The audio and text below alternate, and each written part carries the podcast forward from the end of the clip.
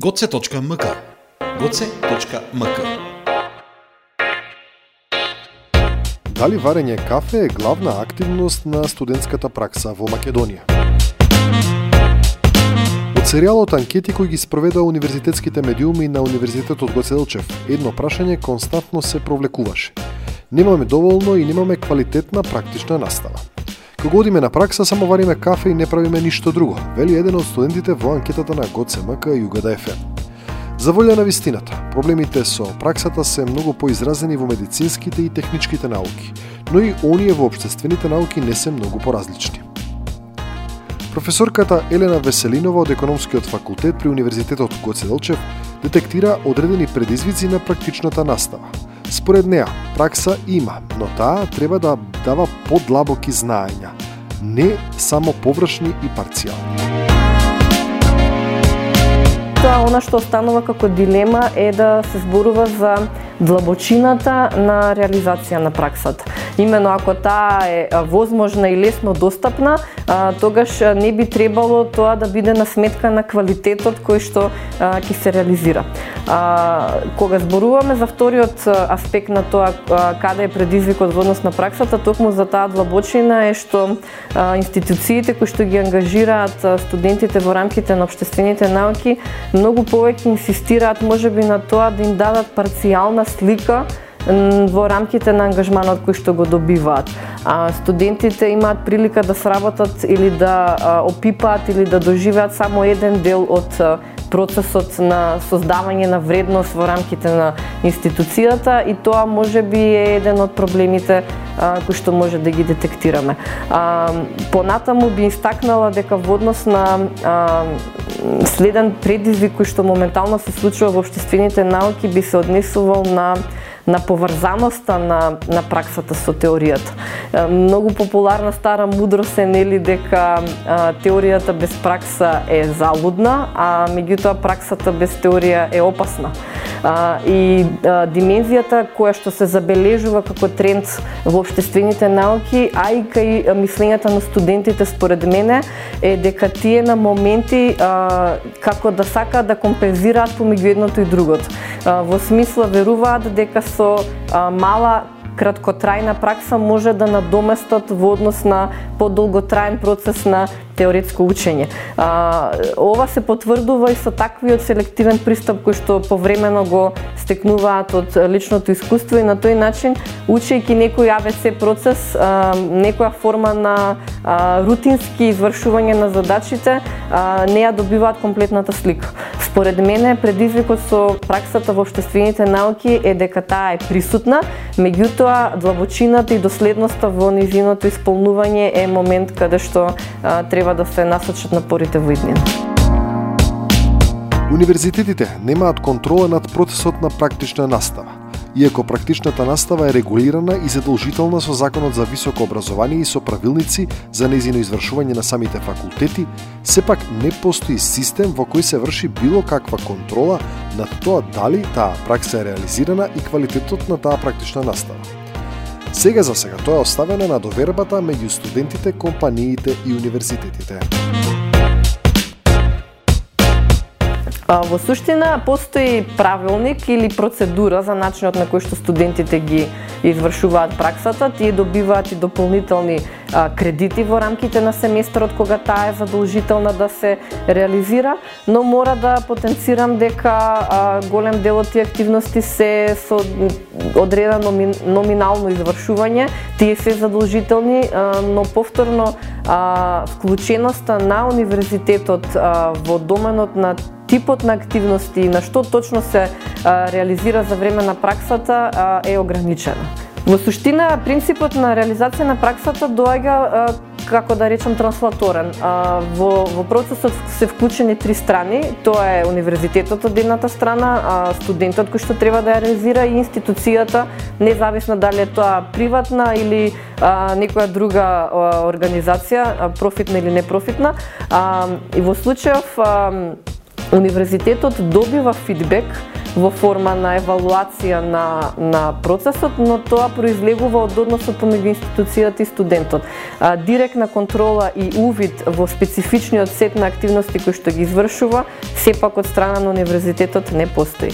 А, се настојува или се, се верува дека во тој однос се, се базира на принципот на bona fide или на доверба, на индивидуална одговорност на студентите кои што се инволвирани во процесот.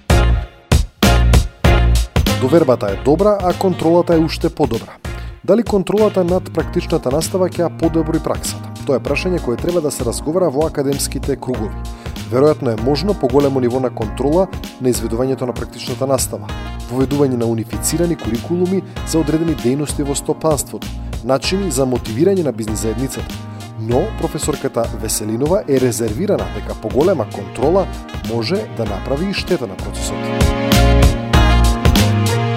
Дополнителната контрола на процесот од страна на универзитетот би вродила со подобри резултати, а, онака по, по нека популарна а, дека довербата е добра, контролата е уште подобра.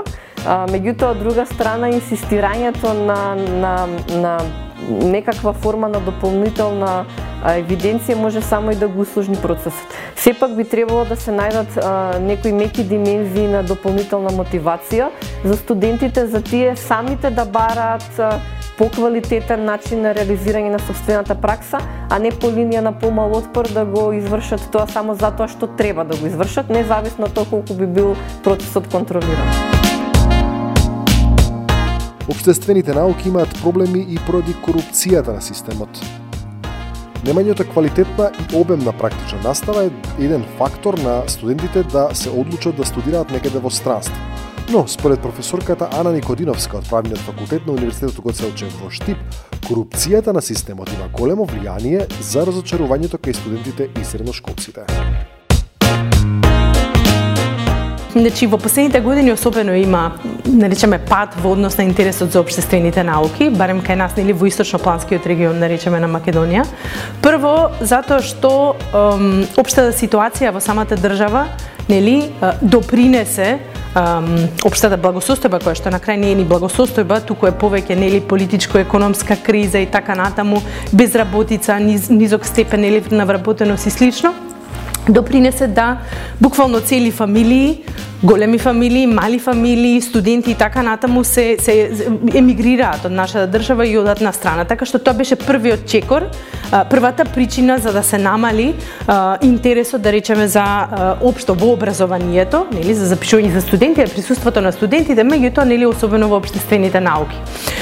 Втората причина која што може нели во последно време особено актуелна е не е во последно, туку генерално е подолго време, туку пак е поврзана на некој начин со она нели општа благосостојба во државата.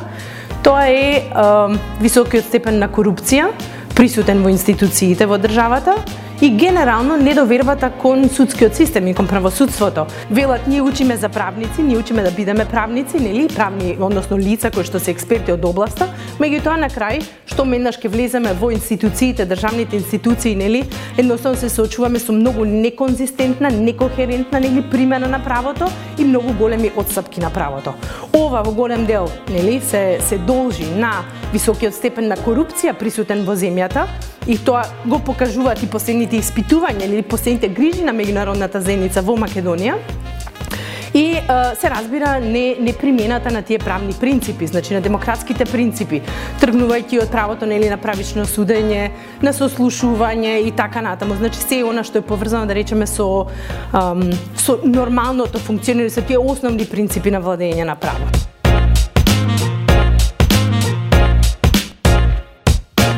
Решенијата на овие проблеми на обштествените науки треба да се бараат во самите универзитети и во реформи на процесот. Професорката Никодиновска решението на овој проблем го гледа во централизирање на универзитетите во одредени универзитетски центри. Дисперзирањето на високото образование е добро, но ги исцрпува ресурсите на самите универзитети и го намалува квалитетот на образованието говоревте нели за односот да речеме помеѓу дисперзираните студии нели матичните институции. Што да кажам, на вистина е тешко, убаво е високото образование да биде присутно секаде. Апсолутно се служувам. Например, има многу студенти, ученици и така натаму што не се во можност и немаат подеднакви можности нели да бидат присутни. Меѓутоа од друга од друга страна за самиот универзитет и за самата држава е многу понапорно да биде присутна истовремено во повеќе центри. Зошто? Затоа што се губа, да речеме, се губи квалитет во образованието, квалитет во наставата, не може подеднакво да се третират не, не дека не се сака, апсолутно, меѓутоа едноставно не може да се постаса, нели, да се да се постигне тој еднаков третман. Така што може би а, најпаметното решение би било нели а, централизирање барем во источно-планскиот регион на некој начин на на силите, да речеме на во, во делот на високото образование. Професорката Веселинова предизвиците на практичната настава ги гледа во можноста студентите да реализираат симулации и пракса и во самите факултети. Ова е концепт кој веќе е познат на светски универзитети, а многу малку се применува на нашите. Ова значително може да го подобри искуството на студентите, вели Веселинова. Јас мислам дека решението може да го бараме и во рамки на универзитетот а, и надвор од него. А, прво, она што е во наш домен, каде што може повеќе импути да се вложат, е, е додавање на дополнителни активности во рамките на активностите на универзитетот. А, особено со фокус на обштествените науки, каде што би можеле да користиме светски утврдени пракси со кои што се потврдува дека може да се унапреди начинот на кој што студентите се стекнуваат со практично знаење, односно примена на, на тоа што го имаат научено. Например, многу е популарно да се користат различни форми на симулации како решенија. Ке наведам конкретно симулации да речеме за начинот на кој што функционираат берзите како еден сегмент во рамките на економските науки или симулација на а, процедурите и постапките кои што се случуваат во рамките на правните науки, симулација на преведување и толкување, а, може би за тоа се потребни дополнителни инвестиции и ресурси, но вклучувањето на тие активности во чадорот на а, понуда која што има универзитетот, сметам дека може да биде добар начин на кој што студентите ќе може а, да ги обе, да добијат полна услуга а, за теорија и за пракса истовремено, поаѓајќи од онаа теза која што ја дискутирав предходно дека двете работи не можат една без друга. Дополнително решение гледам во можноста да се прошири партнерскиот однос со институциите, особено од бизнис секторот, со кој што соработува универзитетот, затоа што се утврдени пракси на решавање на реалните проблеми на бизнис секторот од страна на тимови на студенти кои што може да понудат многу креативни решенија со потенцијалот кој што го имат.